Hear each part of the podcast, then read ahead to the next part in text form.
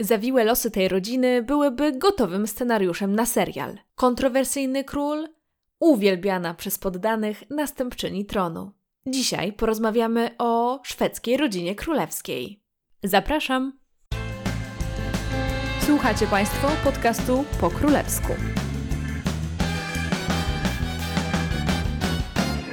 Cześć, witam w ósmym odcinku podcastu po królewsku. Ja nazywam się Anna Orkisz i jestem Waszą przewodniczką po królewskich tematach i dramatach. Dzisiaj będziemy mówić o szwedzkiej rodzinie królewskiej. E, zostajemy w takich skandynawskich tematach, no bo ostatni odcinek był o norweskiej rodzinie królewskiej, ale dzisiaj e, nie fragment podcastu, ale cały podcast jest wywiadem. Wywiadem z Marleną Michalak, e, autorką bloga Swedish Princess oraz Instagrama Królewski Świat która jest absolutną ekspertką, jeżeli chodzi o temat szwedzkiej rodziny królewskiej i sama rozmawiając z Marleną, dowiedziałam się kilku szczegółów, kilka ciekawostek, o których nawet ja nie miałam wcześniej pojęcia. Ale zanim przejdziemy do wywiadu, to chciałam Was jeszcze zachęcić do zaobserwowania mojego podcastu w Waszej ulubionej aplikacji podcastowej. A jeżeli słuchacie na Apple Podcasts, to koniecznie wejdźcie na dół mojego profilu na Apple Podcasts i zostawcie tam pięć gwiazdek, mam nadzieję, i jakąś krótką recenzję. To jest naprawdę super i bardzo dziękuję za te, które się pojawiają, bo są no po prostu przemiłe. To tyle z autoreklamy i tak zwanych ogłoszeń parafialnych, e, a teraz zapraszam Was na rozmowę o szwedzkiej rodzinie królewskiej z Marleną. Cześć Marlena, bardzo miło mi Cię gościć w moim podcaście po królewsku. Bardzo się cieszę, że przyjęłaś moje zaproszenie i że razem dzisiaj poopowiadamy trochę o szwedzkiej rodzinie królewskiej. Cześć, bardzo się cieszę, że mogę być u Ciebie. E, super. E, na początek, e, ponieważ ja Cię znam, pewnie wielu z moich słuchaczy tak, ale pewnie nie wszyscy, opowiedz mi trochę skąd w ogóle, kim jesteś, skąd się wzięła u Ciebie ta pasja do szwedzkiej rodziny królewskiej i jak w tym kierunku działasz. Więc jestem z centralnej Polski i myślę, że całkiem normalnie poznałam rodzinę królewską. To, że w ogóle istnieje od brytyjskiej rodziny królewskiej, a raczej Diany. E, miałam 6 lat i moja babcia zbierała archiwalne gazety e, i oczywiście przyjrzałam, w jednej z nich była Diana w tiarze i po prostu się zakochałam. Miałam 6 lat, więc to było jakieś 19 lat temu i dowiedziałam się, że monarchia istnieje. Później nie było już tak e, normalnie, jakby to powiedzieć, że ślub Williama i Kate, tylko zaręczyny w Szwecji, księżniczki Wiktorii i Daniela Westlinga, bo było o tym troszkę w Polsce. Nawet jakieś mm -hmm. artykuły Księżniczka i trener, to było bardzo ciekawe. I pamiętam, że już ich ślub w czerwcu 2010 roku śledziłam. Kiedy William i Kate brali ślub, ja już wszystko ogarniałam, opowiadałam mojej koleżance, mojej mamie, kto jest kim, kto jest z jakiej rodziny królewskiej. Wszystko już y, znałam, każdą nowinkę, więc y, moja mama już z ciekawością to wszystko oglądała. I w 2014 roku założyłam swoją stronę. Zaczynałam od bloga. Wtedy jeszcze każdy pisał blogi, strony.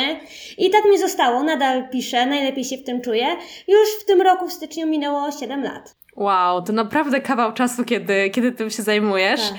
E, czy jakie takie główne wydarzenia obserwowałaś, miałaś okazję obserwować właśnie w związku ze szwedzką rodziną królewską? Ja założyłam swojego, jeśli chodzi o całą stronę, e, założyłam ją w 2014 roku w styczniu mm -hmm. i to był najlepszy możliwy moment, bo e, książę Karl Filip się zaręczył z taką swoją Meghan Markle, mm -hmm. tylko taką, która się wszystkiego nauczyła, e, troszkę inną i to był wielki skandal i ja to wszystko relacjonowałam. Łącznie ze ślubem, to było niesamowite przeżycie, kilka tysięcy ludzi na stronie w tym samym czasie. E, zaledwie pół roku po tym, jak zaczęłam pisać i zaczęłam się dzielić swoją wiedzą, więc to był zdecydowanie najfajniejszy okres. Tak naprawdę na swojej stronie przegapiłam tylko narodziny księżniczki Estelle w 2012 roku. Bo w styczniu już narodził się drugi wnuk i też już to relacjonowałam, więc to jest fajne, to są fajne wspomnienia. Super, to na, naprawdę jakby ty przeżyłaś te, jakby całą historię tego najnowszego pokolenia, że tak powiem, szwedzkiej rodziny królewskiej relacjonując to na swojej stronie. Cudnie. Tak, dokładnie. A czy jeszcze e, interesujesz się jakimiś innymi rodzinami królewskimi w Europie, czy jednak szwedzka to jest taki po prostu masz kręciołka na tym punkcie i, i codziennie sprawdzasz tylko szwedzkie gazety, czy tam jakieś nowe newsy się pojawiły? Nie, wiesz co, myślę, że to taki całkiem normalnie, jak mając te 13 lat, kiedy tak William i Kate brali ślub, no więcej już, to mhm. jednak e, w Polsce pojawiały się informacje o nich, więc siłą rzeczy śledziłam brytyjską rodzinę królewską. Zawsze interesowałam się ogólnie historią historią monarchii, bo historia mnie w tym wszystkim najbardziej interesuje.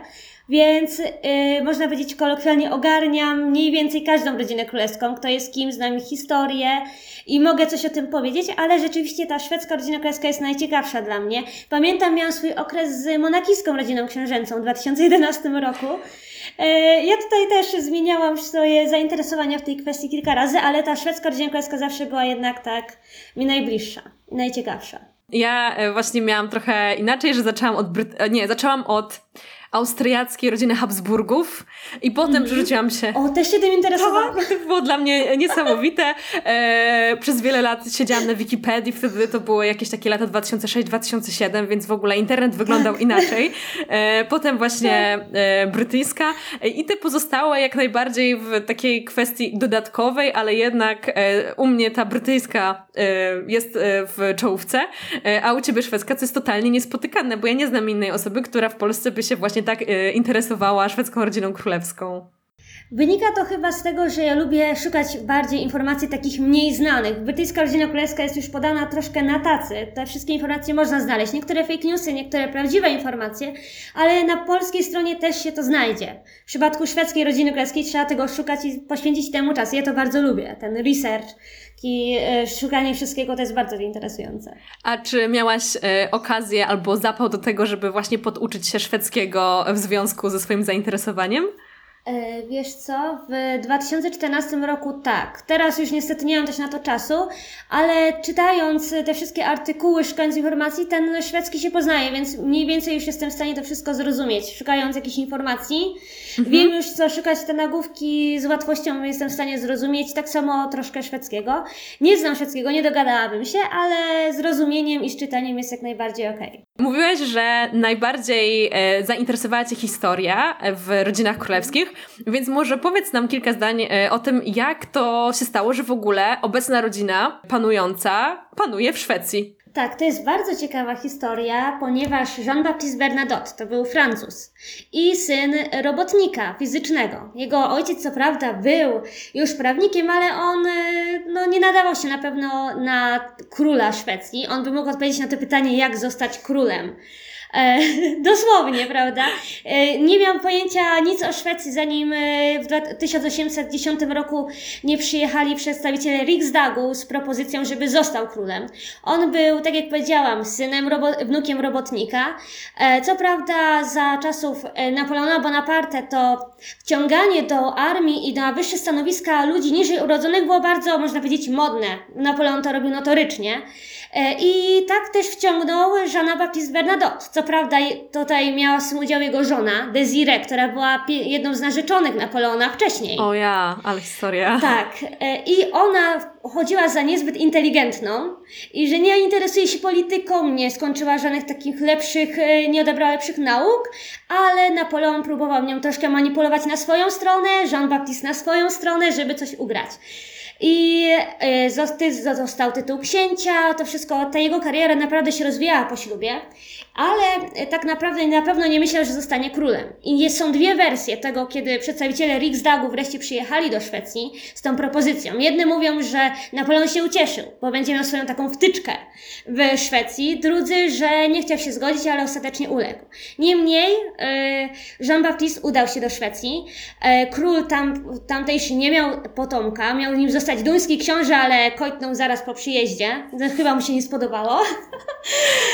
I e, Jean-Baptiste przybył do Szwecji, jego żona też, z jedynym synem, który przyjął imię Oskar. Tyle, że Desiree posłuchała na francuskim dworze, jak to strasznie w Szwecji tam po drogach latają niedźwiedzie, jest zima, zaspy wyższe niż powozy.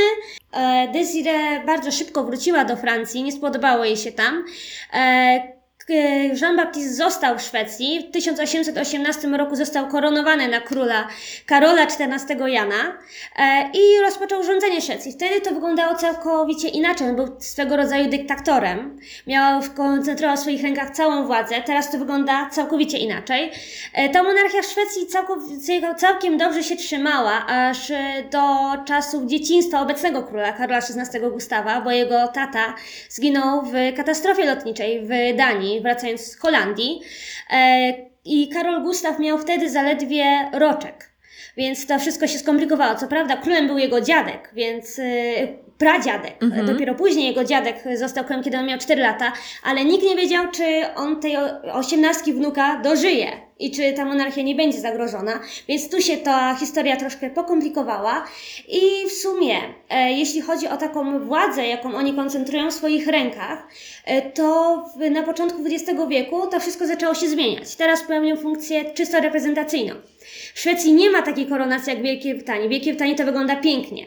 Już w 1907 roku e, takiej koronacji nie było, kiedy wstępował Gustaw V na tron Szwecji. Powiedział, że korony sobie nie nałoży, on będzie krajowi przysięgał, niczym prezydent, mhm. gdzie miało miejsce zaprzysiężenie. E, ten tron, co prawda, jest, król siada na e, tronie posrebrzanym z XVII wieku i na futrze z gronostajów. Jednak korony nie zakłada i to wygląda tak nadal. Konstytucję co prawda zmieniono w 75 roku i dopiero więc dwa lata po wstąpieniu na tron obecnego króla i dopiero po dwóch latach rządów stracił pełną taką władzę, jakiś wpływ na politykę. Kiedyś jeszcze przez pierwsze dwa lata otwierał parlament, tak na Zamku Królewskim. To parlamentarzyści, członkowie rządu byli jego gośćmi. Teraz to jest, on jest tylko gościem i się temu wszystkiemu przygląda nie ma żadnego wpływu na władzę, co, ale to jest ciekawe, bo w Wielkiej Brytanii bardziej mówi się o tym, że królowa nie może mieć prywatnych biznesów. Tak, Jakichś tak, tak, tam zdecydowanie. akcji. W Szwecji może tak być. To jest bardzo ciekawe, bo e, król e, ma pewną spółkę, założył spółkę swoim dzieciom, Wiktorii, Karolowi Filipowi i Magdalenie. Oni takie spółki mają, ale mają specjalną taką grupę prawników, która się tym zajmuje. Oni nawet nie wiedzą, gdzie inwestują ponieważ wiadomo, że odwiedzają różne firmy, e, miejsca mogą dostać jakieś poufne informacje na temat dużych szwedzkich firm czy za granicą innych koncernów i mogliby to wykorzystać do jakichś malwersacji finansowych, więc e, po prostu nie mają takiej informacji, nie mogą mieć wpływu na to, na, gdzie inwestują. Oni nawet nie wiedzą, czasami gdzieś to do mediów przemyka i od razu wyciągają te akcje z danych firm. Ale spółki swoje mają i jakieś pieniądze prywatne też. To jest bardzo ciekawe rozwiązanie. To jest bardzo ciekawe, bo tak naprawdę tutaj poruszyłaś wiele wątków, ale można by to ująć w jednym słowie jako ewolucja rodziny królewskiej w Szwecji. Tak, dokładnie. Bo z jednej strony tutaj był e, Jean-Baptiste, który był e, takim pułkownikiem, generałem tak w armii tak. Napoleona. Potem jakby mhm. e, oni tracili... Mm, stopniowo tą władzę do momentu tak, właśnie tego... I nawet tego... sami chcieli. To jest bardzo ciekawe, że oni sami byli za tym, żeby pełnić bardziej funkcje reprezentacyjne. To byli prawdziwi liberałowie. Nie tylko sam rząd y, Szwecji, a jak i sama Szwecja jest bardzo liberalnym krajem, o tym wiadomo, ale sami również monarchowie byli zdecydowanie bardziej liberalni i chcieli tą władzę raczej przekazać y, rządowi. Tutaj też był konflikt, bo wiadomo, że Wiktoria urodziła, nie urodziła się jako następczyni tronu. Mhm. I starszy, młodszy brat został następcą tronu i był przez pierwszy rok życia. I tutaj jest ciekawe, bo król bardziej okazał się tradycjonalistą, stwierdzając, że on nie jest za zniesieniem primogenitury męskiej, czyli tego, że mężczyzna jest następcą tronu, kobieta jest za nim, ale no musiał na to przystać, rząd to zmienił. E, I Wiktoria tak naprawdę już jako dziewczynka po kilku latach została następczynią tronu. Dobra, to też wymieniłaś dużo y, imion i no nazwisk nie. Do, tak, dokładnie. nazwisk jeszcze nie, ale właśnie jak się nazywa, jak się nazywa e, szwedzka rodzina królewska, bo chyba to jeszcze nie padło. To jeszcze nie padło. Dynastia nazywa się Bernadotte, tak jak Jean-Baptiste Bernadotte. Mhm. I jest to francuskie nazwisko, bo, bo był Francuzem. I prywatnie posługują się właśnie na, nazwiskiem dynastii. Dobra, e, więc nazwisko już znamy, ale imiona tak. i, i te wszystkie osoby, które wymieniłaś. E, czy możesz tak e, w, w, skrócie powiedzieć, kto jest właśnie królem, jakie ma dzieci, żebyśmy mieli tutaj mhm. jasność, kim jest Wiktoria, tak. kim jest Filip i tak dalej. Dobrze, więc królem jest Karol XVI Gustaw. Obecnie. Jego żona, tak, obecnie, obecnie od 1973 roku. Mhm. Jego żoną jest Sylwia Sommerhat, królowa Sylwia, pochodząca z Niemiec, która była uwaga, hostessą. Pracowała na Igrzyskach Olimpijskich w Monachium w 72 roku i król, to jest ciekawa historia, wypatrzył ją przez lornetkę. Stała kilka rzędów niżej, król, król ją zobaczył przez lornetkę i patrzył na nią. Ona odwróciła się i było to takie kliknięcie. Teraz w Szwecji jest to znane powiedzenie, że coś klikło. I mhm. teraz mhm. inni młodzi, ich dzieci też mówią, że to była miłość od pierwszego wejrzenia, więc coś klikło. Wow. E, I po trzech latach odstąpienia tronu e, została jego żoną. Więc Czyli on był taka... już królem wtedy. Tak, on już był królem, bo wstąpił na tron po roku znajomości. Niesamowita w 73. Historia. Tak, to jest niesamowite, naprawdę. Była jedną z pierwszych komonerek, mówiąc tak z angielskiego, które weszły do rodziny królewskiej. Mhm. I ogólnie do europejskich rodzin królewskich. Niesamowite, czyli e, Sylwia nie ma żadnego tła takiego rodzinnego, e, arystokratycznego. Nie, zdecydowanie nie. Ona jest w połowie Niemką, w połowie Brazylijką. Tutaj z tą przeszłością jest trochę e, trudno, ponieważ e, trudno, ciężko i niezbyt miło, ponieważ jej tata Walter Zomehat prawdopodobnie gdzieś tam troszkę miał konszachty z nazistami, a raczej jako biznesmen E, współpracował z nimi w Brazylii. E, to było w miarę normalne, skoro był Niemcem. I tutaj to było troszkę taki cień e, na tym, to podłożyło taki cień na tym ślubie. Nie tak duży jak w Holandii, ale, ale jednak. Mhm. E, I doczekali się trójki potomstwa. Tak. Już bardzo szybko Wiktorii, która, jak powiedziałam, nie była następczynią tronu, później Karola Filipa i Magdaleny, najmłodszej. Oni już wszyscy mają swoje rodziny i tutaj znowu pojawi się dużo, dużo imion, ale są to też ciekawe historie. Myślę, że e, całe te historie życia są bardzo interesujące i nie mniej interesujące niż te w Wielkiej Brytanii. Wiktoria na przykład e, jest tak, tutaj pojawia się taki szablon William i Harry. Mhm. William ten taki stateczny, e, bardzo obowiązkowy i Harry imprezowicz. Tutaj w Szwecji jest problem, bo są, jest trójka dzieci, ale zawsze próbowano je gdzieś tam wcisnąć w te takie szufladki. Wiktoria zdecydowanie jest tą ułożoną i to było zawsze. Kiedy para kreska podróżowała, ona wspominała, że już jej siostra w wieku 6 lat umiała czytać i pisać, bo bawiła się z nimi w szkołę. O ja. Więc tak, ona była zawsze obowiązkowa, ale to też miało swoje ciemne strony, bo w wieku 18 lat y, miała anoreksję. Mhm. Była przytłoczona tymi wszystkimi obowiązkami i poważnie zachorowała. Wyjechała do Stanów na studia. Tam udało jej się wyleczyć i po powrocie do Szwecji poszła na siłownię. E, I jej osobistym trenerem został jakiś chłopak z małej miejscowości, Daniel Westling. Zostali przyjaciółmi, a później coś się między nimi zadziało i zostali parą. I tutaj był skandal, bo król był podobno przeciwny i to było bardzo głośno o tym, że on się nie nadaje, nie miał nawet studiów ale przetrwali razem wiele lat i w 2009 roku, czyli po 8 latach się zaręczyli. I w 2010 roku wzięli ślub i był to największy ślub w historii monarchii europejskiej. Mhm. Nigdy wcześniej i nigdy później na żadnym ślubie, nawet u Williama i Kate nie było tylu gości, tylu głów, państw i następców tronu. To było najbardziej niebezpieczne tak zgromadzenie, bo byli tam wszyscy, my, wszystkie głowy państw, wszyscy królowie, następcy tronów. Rzadko się to zdarza, nie powinno się to zdarzać, ale wszyscy byli. I to było piękne uroczystość uroczystość, każdy ją powinien chyba zobaczyć w internecie. E, jest też z napisami po polsku e, ten ślub, bo można zobaczyć jak na przykład duński książę Fryderyk e, płacze, a Charlene Whitstock, czyli narzeczona księcia Monako, tak klepie go po plecach pocieszająco. To jest, to było urocze. Ja uwielbiam patrzeć na gości po bokach, żeby zobaczyć, wow, on płacze, a tamta jest wzruszona. To jest królowa Belgów, ona płacze. To, jest, to był świetny ślub. I troszkę inny, bo dużo było pokazane, łącznie z bankietem, przemówieniami, pierwszym tańcem, tortem. To całkowicie inny format takiego ślubu. I po południu. Dlatego, że e, królowa duńska stwierdza, u nich też w Danii są śluby po południu, że to pozwala im na nałożenie najpiękniejszych garniturów biżuterii. Bardzo Założenie ciekawe. tiar i długich sukni. Tak. W Wielkiej Brytanii zdecydowanie to są kapelusze, raczej suknienki. W Szwecji to zdecydowanie już pełen bankiet, pełna gala, suknie, tiary. Pięknie to śledzić wszystko, jak oni są pięknie ubrani i zadowoleni, bo wszyscy są między sobą spokrewnieni tak naprawdę. To był e, ślub Wiktorii, e, a co tak. z pozostałymi dziećmi? Jak one sobie ułożyły życie? Mhm. Tutaj Karla Filipa próbowano troszkę wciągnąć takiego Harego, co totalnie nie pasuje, bo był w bardzo długim związku y, z Emmą Pernald i oni zerwali na początku 2009 roku, a w lecie poznał swoją obecną żonę, która zdecydowanie nie nadaje się na księżną. E, była modelką, wystąpiła w Paradise Hotel, wszyscy to znamy wow. z TVN-u. Tyle, tak. że trzeba powiedzieć, że wtedy ten Paradise był chyba bardziej pościągliwy, co najmniej można tak określić. Wtedy takie e, sytuacje, jak teraz się pojawią, raczej nie miały tam miejsca, jednak było to kontrowersyjne. Jeśli ją ktoś pamiętał, to raczej z magazynu dla panów, bo w takim też się pojawiła e, jednokrotnie i właśnie z Paradise Hotel. E, w 2009 roku założyła swoją też fundację charytatywną, projekt Playground.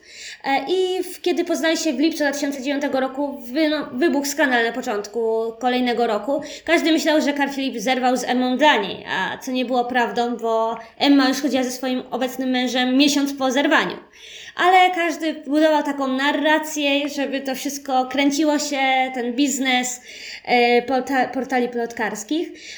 po wielu latach, bo w 2014 roku się zaręczyli, w sumie szybciej niż Wiktoria i Daniel, jednak to też trwało. Król i królowa na zaręczynach stwierdzili, że czekaliśmy, czekaliśmy i czekaliśmy, ale się doczekaliśmy. E, wzięli ślub w 2015 roku e, i mają teraz trzech synów. Jeden urodził się w marcu tego roku najmłodszy. I jak ma na imię żona e, Karla Filipa? E, Sofia. Sofia Helquist z domu. Sofia, tak, Sofia Krystyna. Okej. Okay. E, no i my jeszcze mamy trzecie dziecko, kolejną córkę pary, Madeleine. Tak, ona uchodzi za tą najpiękniejszą księżniczkę europejską. I przez to też e, myślę, że spotkała się ze sporą krytyką po ślubie, bo te rodziny królewskie po ślubie Williama i Kate stały się bardziej popularne i każdy śledził, o gdzieś tam jest ślub królewski, trzeba to zobaczyć. I każdy zobaczył, jak ona jest piękna, że przed tym ślubem pracowała w fajnej fundacji My Big Day, czyli spełniała dzieci, marzenia dzieci śmiertelnie chorych, e, że pracuje w innej jeszcze fundacji w Stanach Zjednoczonych i każdy myślał, że to jest taka typowa księżniczka ciężko pracująca i nagle okazało się, że ona po ślubie chce być z dziećmi i że w ogóle mało się pojawia. I to była ogromna krytyka, że tutaj obiecała, że w Wielkiej Brytanii mieszkając, bo oni poznali się w Stanach z mężem, jej mąż był, jest bankierem, on utrzymuje rodzinę, nie przyjął tytułu. Tam też był skandal, może o tym wspomnę, bo to jest ciekawe, ona była już raz zaręczona. I mhm. narzeczony w 2009 roku w lipcu się zaręczyli, a na początku roku zdradził ją z norweską modelką. E, I to wyszło na jaw, wybuchł skandal, e, byli na komisariacie policji, bo mieli wspólnego psa, nie mogli się dogadać kto go weźmie, więc wylądowali na policji, co fotografowali paparazzi. Ona uciekła do Stanów. historia jak z serialu tak, jakiegoś. Dokładnie, tutaj skandali nie brakuje, też się pojawiały. Ona uciekła do Stanów i w sumie zaprzyjaźniła się z Chrisem O'Neillem, zostali parą i tak naprawdę po dwóch latach, w 2012 roku się zaręczyli. I to wszystko potoczyło się bardzo szybko. Chris jest e, katolikiem, w połowie Amerykaninem, w połowie Brytyjczykiem i nie chciał zmieniać wiary, przyjmować tytuły, chciał pracować, więc zamieszkali najpierw w Nowym Jorku, tam urodziła się ich pierwsza córka. Potem przenieśli się do Szwecji, tam narodził się ich syn. Przeprowadzili się do Anglii, bo dla niego było za daleko pracować ze Szwecji. E, narodziła się ich trzecia córka, i zwrócili do Stanów, mieszkają na Florydzie i prowadzą całkiem prywatne życie.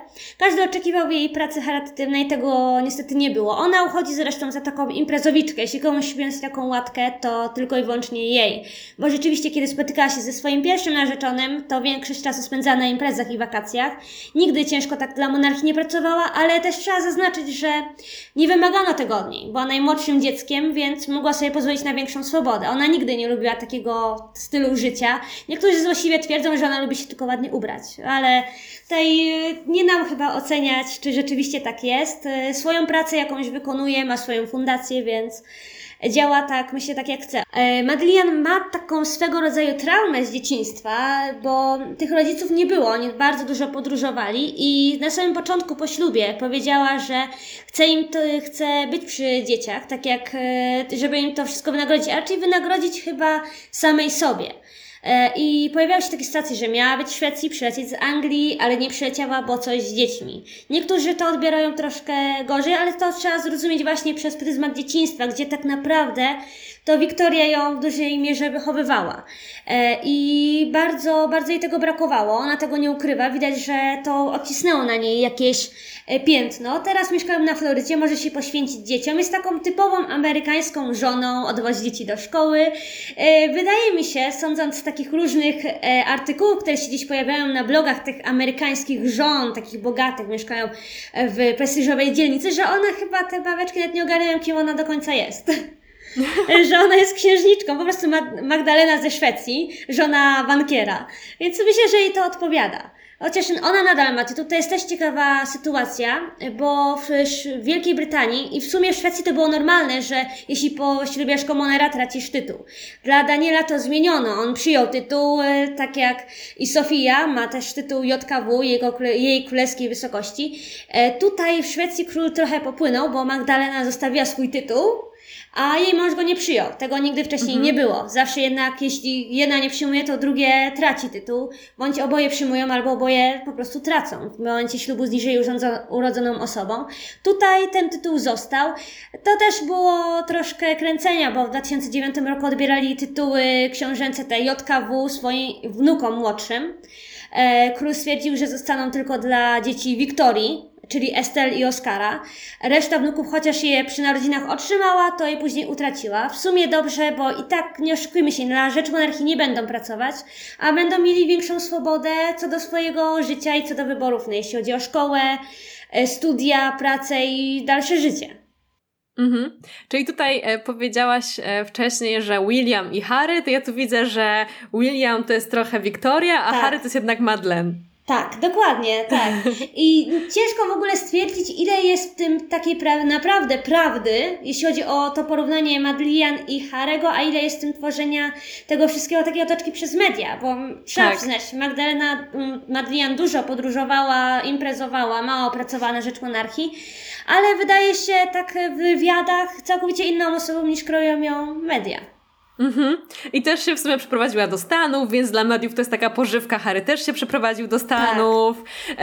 Jednak e, chcą wieść takie życie bardziej normalne, więc dużo tu jest takich um, połączeń, które można łatwo wysnuć, no ale wiadomo, że e, to jest tylko robione głównie na potrzebę nagłówków. Tak, dokładnie. Tak jak e, te stare artykuły, w których wymyślano, że królowa Elżbieta stwierdziła, że Madeleine nadaje się na żonę Williama E, też to było, to było głośno i niektórzy ludzie nadal to kojarzą i co mnie dziwi na mojej stronie, niektórzy kojarzą właśnie Madeleine z tego, że miała być narzeczoną Williama. Nie wiem skąd to ludzie biorą. E, ja nawet bardzo długo o tym nie wiedziałam, bo to były artykuły z jakichś początków lat 2000, ale coś takiego było, że ona by się nadała. Wątpię, żeby chciała, ale... Rzeczywiście. I czasami, czasami mnie też zaskakują te tytuły prasowe. To już w ogóle to jest dłuższy temat. Myślę, że mogłybyśmy tak. spokojnie godzinę na ten temat też rozmawiać. Tak, e, ale, e, ale rzeczywiście czasami one są bardzo zaskakujące. Tak. Dobra, to już wiemy, jak wygląda rodzina, wiemy nawet, jakie, e, jak wygląda kwestia mm, relacji króla mhm. i parlamentu, że król generalnie nie ma zbyt wiele uprawnień, pełni raczej funkcję reprezentacyjną właśnie w Szwecji, e, ale gdzie w takim razie rodzina królewska szwedzka mieszka? E, rodzina królewska nie mieszka na Zamku Królewskim e, w Sztokholmie z prostych względów. Tam, e, kiedy dzieci były małe, Wiktoria, Karl Philip i Madeleine byli mali, nie było tam tak naprawdę miejsca, żeby mogli spędzić czas na dworze, więc przeprowadzili się troszkę dalej na, do Drottningholm Palace, który też można zwiedzić. Park wokół niego można normalnie odwiedzać każdego dnia. Oni tam mieszkają. Teraz oczywiście każdy ma już swój dom. Wiktoria mieszka w Pałacu Haga w Solnej, to był dom e, jej taty. Tam spędził pierwsze lata swojego życia, kiedy był malutki. E, z kolei Karol, Karl Filip i Sofia mają swój dom, taki prywatny, otrzymali go w spadku po księciu Bertilu. Tutaj chyba nie będziemy go już dokładać, chociaż jest to ciekawa historia, bardzo ciekawa. E, I materiał na film zdecydowanie, to jeśli chodzi o jego życie taki hollywoodzki dramat, ale oni remontowali ten dom e, i tam sobie mieszkają, dość z dala taki, na takim osiedlu, też bardziej strzeżonym. Jeśli chodzi o Zamek Królewski, to jest swego rodzaju biuro. Tam są bankiety, można go zwiedzać, co roku są wystawy. E, I król sam prowadzi samochód, on bardzo lubi jeździć samochodem, więc siada za kierownicą i jedzie do swojej pracy do, na Zamek Królewski bardzo często sam, oczywiście z ochroną, ale sam prowadzi. Uznaje to prowadzenie samochodu za taką wolność. To jest ciekawe, bo e, na przykład wyjeżdżają do Niemiec w wakacje e, i wsiadają za kierownicę i objeżdżają Europę samochodem. Dosłownie. Król i królowa? Tak, król i królowa. Ludzie ich nie rozpoznają, bądź jeśli rozpoznają, to próbują to zachować w tajemnicy. Na początku podróżowali tak samochodem po Niemczech, teraz już podobno po całej Europie. I to jest taki tradycyjny punkt ich wakacji. E, oczywiście rodzina Kreska całe lato spędza w letniej rezydencji.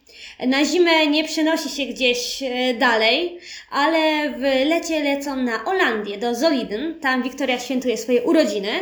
E, mają tam prywatną rezydencję, jest park, można go zwiedzać i to jest chyba najlepsze miejsce w lipcu do zobaczenia rodziny królewskiej na żywo.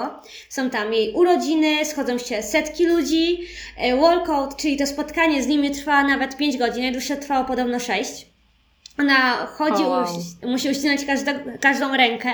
Jest tam też para królewska. Jej dzieci bawią się z innymi dziećmi tych fanów, którzy przyszli. Po prostu Estel potrafi wyciągnąć jakąś dziewczynkę z tłumu i bawić się, grać z nią w piłkę i z jej bratem.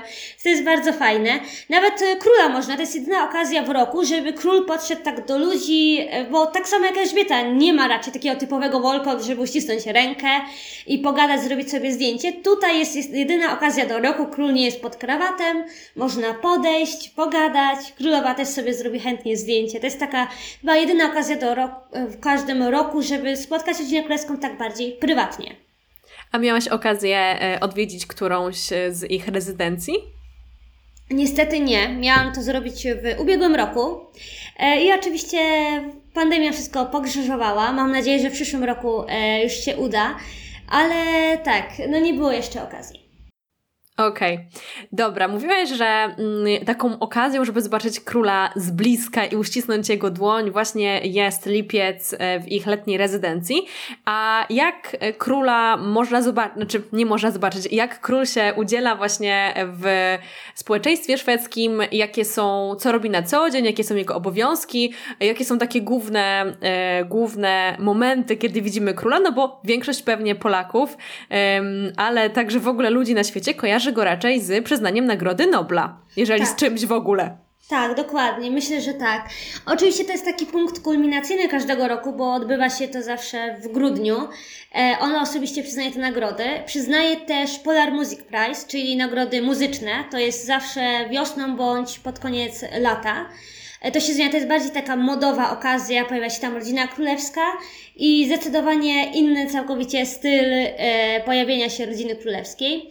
Oczywiście król ma spotkania w kraju i za granicą, odwiedza firmy, e, wizytuje wszystkie powiaty, prowincje Szwecji. E, I tu jest ciekawe, bo na przykład w Wielkiej Brytanii są spotkania królowej z premierem. Wiemy, że to jest spotkanie co tydzień i zawsze się odbywa. W Szwecji wygląda to troszkę inaczej, bo ten kontakt króla z premierem jest bardziej bliski. Mogą do siebie nawet po prostu zadzwonić telefonicznie.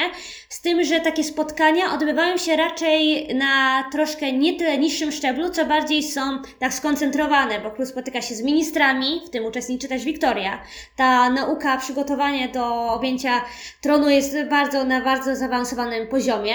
E, wszyscy ministrowie spotykają się na Zamku Królewskim. E, są też spotkania każdego roku z Ministerstwem Spraw Zagranicznych. Oni razem w porozumieniu organizują cały kalendarz i oczywiście misje gospodarcze towarzyszą królowi na, w każdych podróżach, więc tutaj nie jest tylko pomachanie i uśmiechnięcie się do zdjęcia, ale takie ważne sprawy gospodarcze też są załatwiane, chociaż król nie ma na to wpływu. A jak wygląda obchodzenie Święta Narodowego w Szwecji e, pod względem też zaangażowania króla i rodziny królewskiej? Czy jest w ogóle taki dzień? Jest oczywiście Święto Narodowe 6 czerwca e, i na, w nim bierze udział cała rodzina królewska. Jest to całkowicie inny format niż w innych rodzinach królewskich czy Wielkiej Brytanii. Może troszkę w stylu norweskim, bardziej tradycyjnie stroje ludowe, E, uroczystości świeckie zdecydowanie bardziej, bo od 2000 roku jest w Szwecji rozdział kościoła od państwa i król nie jest już głową kościoła, a wcześniej był. E, I w Szwecji święto narodowe w normalnych okolicznościach przedpandemicznych to przede wszystkim podróże po kraju, bo e, król i królowa jadą bądź lecą na drugi koniec kraju, żeby wziąć udział w takich lokalnych, małych obchodach w jakiejś miejscowości i spotkać się z ludźmi. Wiktoria i Dani są gdzieś tam w kraju, inni zostają na zamku. Zawsze jest takie symboliczne otwarcie bram Zamku Królewskiego, bo to jest totalna twierdza, tam nie ma takiego typowego balkonu, to jest w formie zamek w formie kwadratu. Są takie bramy, które ktoś z rodziny królewskiej otwiera, jest krótkie przemówienie, zapraszają do odwiedzenia zamku, bo 6 czerwca można go odwiedzać za darmo. I zawsze jakaś wystawa, można zobaczyć jeszcze członka rodziny królewskiej, gdzie tam przemykają pomiędzy do prywatnej części zamku. E, I zawsze, najczęściej jest to ktoś z rodziny królewskiej. Czasami jest to nawet prezentacja, można powiedzieć prezentacja wnuka króla któregoś. Tak zrobiła Madlian z córeczką i e, Karl Filip i Sofia z jednym z synów. Więc to jest świetna okazja i zawsze takie o, wyszli z dzieckiem i jeszcze tą Leonor, y, mają takie żółto-niebieskie stroje ludowe i tą małą Leonor Madlian ubrała w taki mini strój ludowy. To wyglądało przeuroczo. E, I oczywiście po tym otwarciu bram jest taka dłuższa przerwa, są takie mniejsze uroczystości lokalne. Jest zawsze wręczenie e, obywatelstwa, takiego honorowego bądź e, dla uchodźców. Tam najczęściej są Wiktoria i Daniel. E, wieczorem odbywa się koncert w Skansenie i on jest transmitowany w telewizji. Tam pojawia się cała rodzina i oni przyjeżdżają tam w paradzie powozami.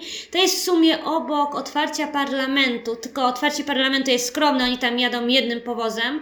To tutaj w, w przypadku Święta Narodowego jest to taka porządna parada której bierze udział cała rodzina królewska i po tym koncercie wracają na zamek na jeszcze jeden taki skromny koncert orkiestry wojskowej. To wszystko oczywiście można oglądać, można kupić bilety też na ten koncert w Skansenie.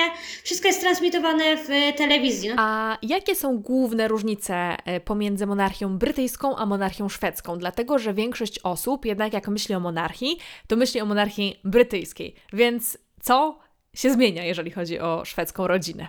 Tak, e, w sumie Często uznaje się, że na przykład y, jest taki jeden szablon monarchii, ktoś pozna brytyjską rodzinę królewską i to jest taki szablon, według którego działa każda monarchia, ale to trzeba patrzeć przez pryzmat każdego kraju, bo każdy kraj ma swoje zwyczaje i tak też jest z monarchią, to jest oczywiste. W Szwecji kiedyś mówiło się, że to jest taki skostniały dwór, bardzo tradycyjny i był bardziej tradycyjny niż ten brytyjski. To się całkowicie odwróciło. E, w Szwecji z jednej strony nie ma takich podniosłych uroczystości jak to otwarcie parlamentu czy Dropping the Color, e, urodziny królowej. Z drugiej strony, jeśli już są te na przykład 70. urodziny, 75. są to przeogromne uroczystości z paradą i gośćmi z zagranicy. Jest to oczywiste. E, diametralne różnice to oczywiście śluby, które odbywają się w innych godzinach, są bardziej otwarte też na ludzi, na to, żeby mogli to wszystko śledzić. E, odbywają się po południu, opowiadałam już w tych tiarach na ślubach, o pięknych sukniach. Jest to oczywiste w sumie dla większości dworów królewskich, tych skandynawskich. Jeśli chodzi o inne uroczystości, chrzciny są transmitowane, inaczej wygląda przede wszystkim też na poród i narodziny dziecka, bo ten sam moment e, od momentu przyjścia do szpitala do narodzin jest prywatny. Później najczęściej jest tak, że dwór wydaje komunikat, że na przykład księżniczka Wiktoria urodziła, ale płeć nie jest zdradzana.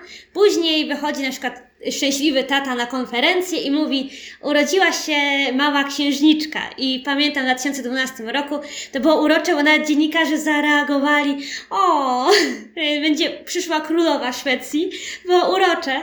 E, I zawsze to jest taka tajemnica do momentu wyjścia taty i ogłoszenia, że to będzie chłopczyk czy dziewczynka. No w tym roku tak nie było, przez pandemię nie było konferencji, ale jeśli jest taka możliwość, to właśnie w ten sposób ogłaszają. I wyjście ze szpitala, to jest chyba największa różnica. Ja ją pamiętam z opisywania tego na swojej stronie, że czemu nie ma wyjścia ze szpitala, takiego jak Kate, e, że wszyscy pozują pięknie ubrani do zdjęć. W Szwecji jest to prywatny moment i prasa bardzo to szanuje. Wychodzą prywatnie, nie ma z tego zdjęć. Tutaj w tym roku coś się pojawiło, ale oni się po prostu umówili, że dobra, damy się Wam sfotografować, jak przychodzimy do samochodu. Co prawda w jeansach i koszulkach, ale jednak. A normalnie jest to prywatna, taki prywatny moment i dwór udostępnia jedno zdjęcie. Takie z dzieckiem w nosidełku e, i pokazują, jesteśmy już w domu. I to jest taka bardzo prywatna chwila. Później jest oczywiście zdjęcie i po miesiącu pierwsza sesja. Taka typowo oficjalna. W Wielkiej Brytanii obchodzone są jubileusze władców. E, wielkie fety, kilkudniowe celebracje. E, na przykład e, w przyszłym roku, w 2022, jest 70-lecie Elżbiety na tronie. A jak to jest w Szwecji? Czy też się obchodzi takie bardziej okrągłe rocznice? Tak, w 2013 roku król świętował 40-lecie na tronie. Były to uroczystości. W Szwecji są może troszkę skromniejsze, odbywa się taka msza zwana Tedeum, czyli takie nabożeństwo dziękczynne. E, po tym nabożeństwie akurat wtedy była taka imprezka na Zamku Królewskim, na którą mógł przyjść każdy, zatańczyć z królową, dosłownie. Ludzie, tak, jakiś tam pan owtańcowywał królową i było co najmniej kilka takich osób, więc były to takie bardziej rodzinne uroczystości. W, ogólnie w Szwecji bardzo często świętuje się urodziny, co pięć lat w sumie, 70., 75., później 80., jest to bardzo często świętowane. W Szwecji kolejne takie uroczystości pewnie będą z, za dwa lata, w 2023 roku, na 50-lecie panowania króla. Tutaj na pewno coś zorganizują, pół wieku trzeba będzie z całą pewnością pięknie uczcić. 50 lat na tronie to jest naprawdę bardzo dużo czasu. E, ile lat miał król, jak e, wstąpił na tron, a ile ma teraz? Król miał 27 lat, kiedy wstąpił na tron. W tym roku świętował 75. urodziny. Były to oczywiście skromne uroczystości, ale jednak miały miejsce. To bardzo podobnie jak Elżbieta, bo ona też miała 25-26 lat, jak wstępowała na tron, no czyli tu mamy jednak y, kolejne podobieństwo. E, tak, dokładnie. Chociaż myślę, że w Szwecji były z tym większe perturbacje, bo każdy martwi się, czy w ogóle y, król, dziadek obecnego króla dożyje osiemnastki wnuka, on tutaj przeżył jeszcze sporo lat i Karol Gustaw mógł się jeszcze wyszaleć, y, trochę być w wojsku, pływać z marynarką wojenną, więc takie młodość swoją jeszcze miał, o której tak marzył i w sumie bał się, że jej nie będzie. A tutaj wszystko fajnie się potoczyło pod tym względem, chociaż te perturbacje były ogromne. A czy król, ponieważ jest w coraz bardziej zaawansowanym wieku, coraz starszy, to myśli o przekazaniu władzy swojej córce Wiktorii? E, zdecydowanie nie. Tutaj pojawił się już kilka razy komentarz. Król jest o to oczywiście pytany w sumie przy każdym wywiadzie. W Szwecji są takie programy Rok z Rodziną Królewską. One pojawiają się zawsze w święta Bożego Narodzenia i podsumowują e, rok z pracy Rodziny Królewskiej. Tam pojawiają się wszyscy członkowie Rodziny Królewskiej, opowiadają o swojej pracy, kamery im towarzyszą w niektórych wyjściach i to wszystko jest relacjonowane tak składając ten rok w całość. I król w sumie co roku jest o to pytany. I za każdym razem stwierdza, że jeszcze nie i raczej nie. I ogólnie rzecz ujmując uważa, że umarł król, niech żyje król i planuje rządzić jak najdłużej kiedy pamiętam były te abdykacje coś spore. E, najpierw w, i w Belgii, i w Hiszpanii. Oczywiście w Holandii to jest tradycja. To tam wygląda to inaczej. Królowa zawsze abdykuje w pewnym wieku. To kiedy pojawiły się te pierwsze abdykacje w Belgii i Hiszpanii, one nie były takie tradycyjne. Króla zapytano o to, on stwierdził, że to nie jest po prostu w jego stylu. I planuje rządzić dalej. Myślę, że Wiktorii też to odpowiada, bo mają tą rodzinę i trochę taką namiastkę prywatności nadal. Czyli znowu podobieństwo do brytyjskiej rodziny królewskiej. Tak. tak jak e, królowa, król się na razie nigdzie nie wybiera, więc e, miejmy nadzieję, że jeszcze kilka lat e, wspólnie porządzą. Wspomniałaś o tej medialnej stronie, o tym, że co roku w Boże Narodzenie jest emitowany film Rok z rodziną królewską.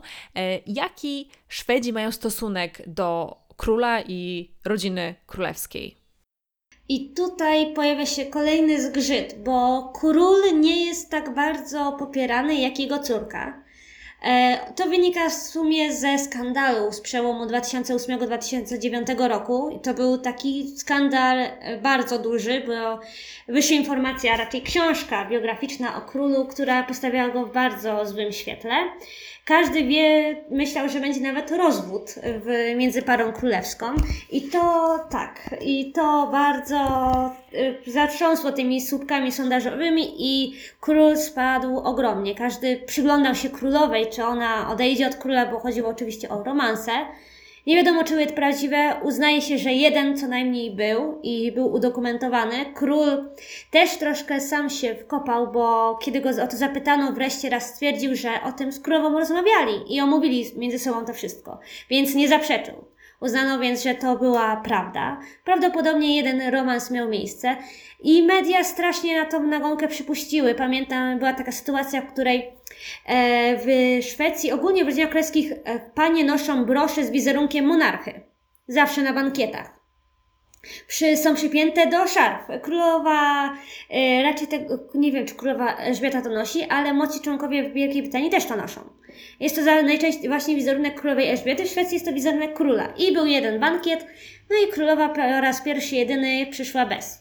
A to było jeszcze, wtedy były plotki o tym, że oni się rozstają. Oczywiście oficjalna wersja to była, że ta brosza jest u jubilera w naprawie, ale każdy uważał, że to jest taka pokazanie, że już nie jesteśmy razem.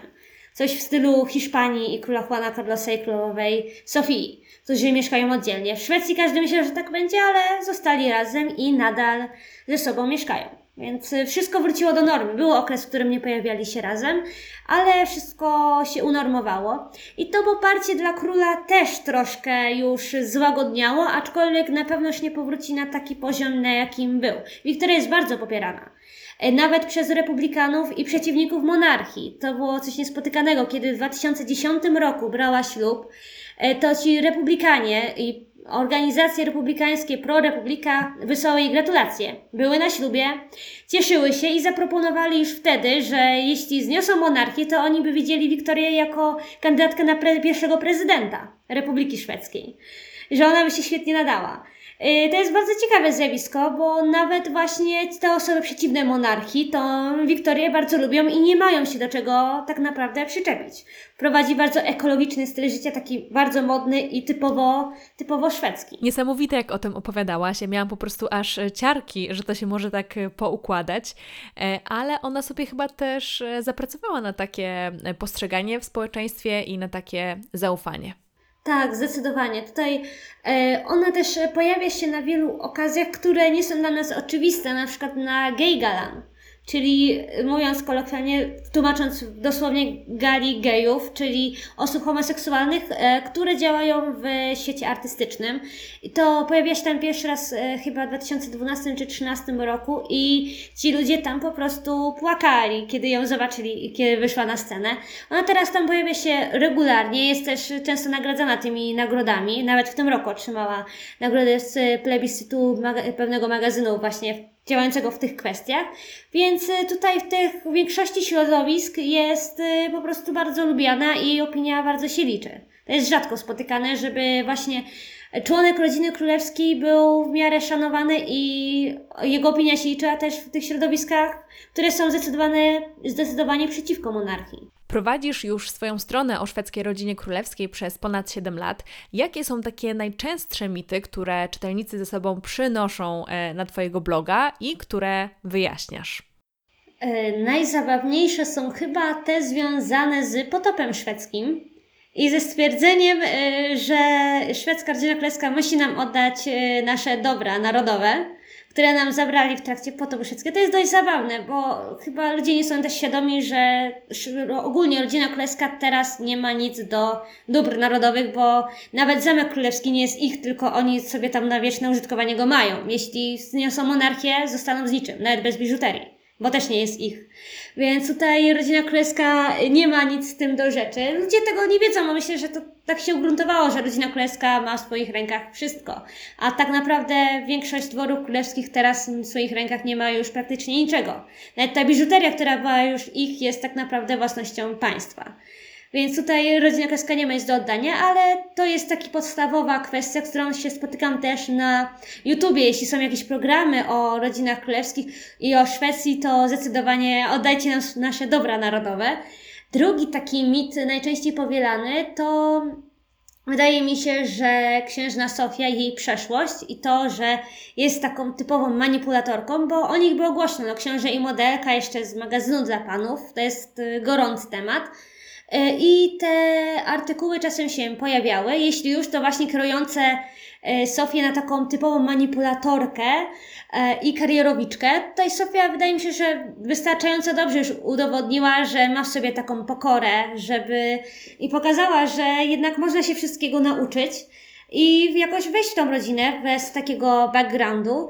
E, I taki trzeci mit, w sumie teraz ciężko o tym powiedzieć, zdecydowanie tytuły, bo z tytułami jest problem. Kto jest księżniczką, księżną, królową, królewną. Tutaj też są te najczęściej powielane problemy, ale to chyba nie tylko w przypadku szwedzkiej rodziny królewskiej.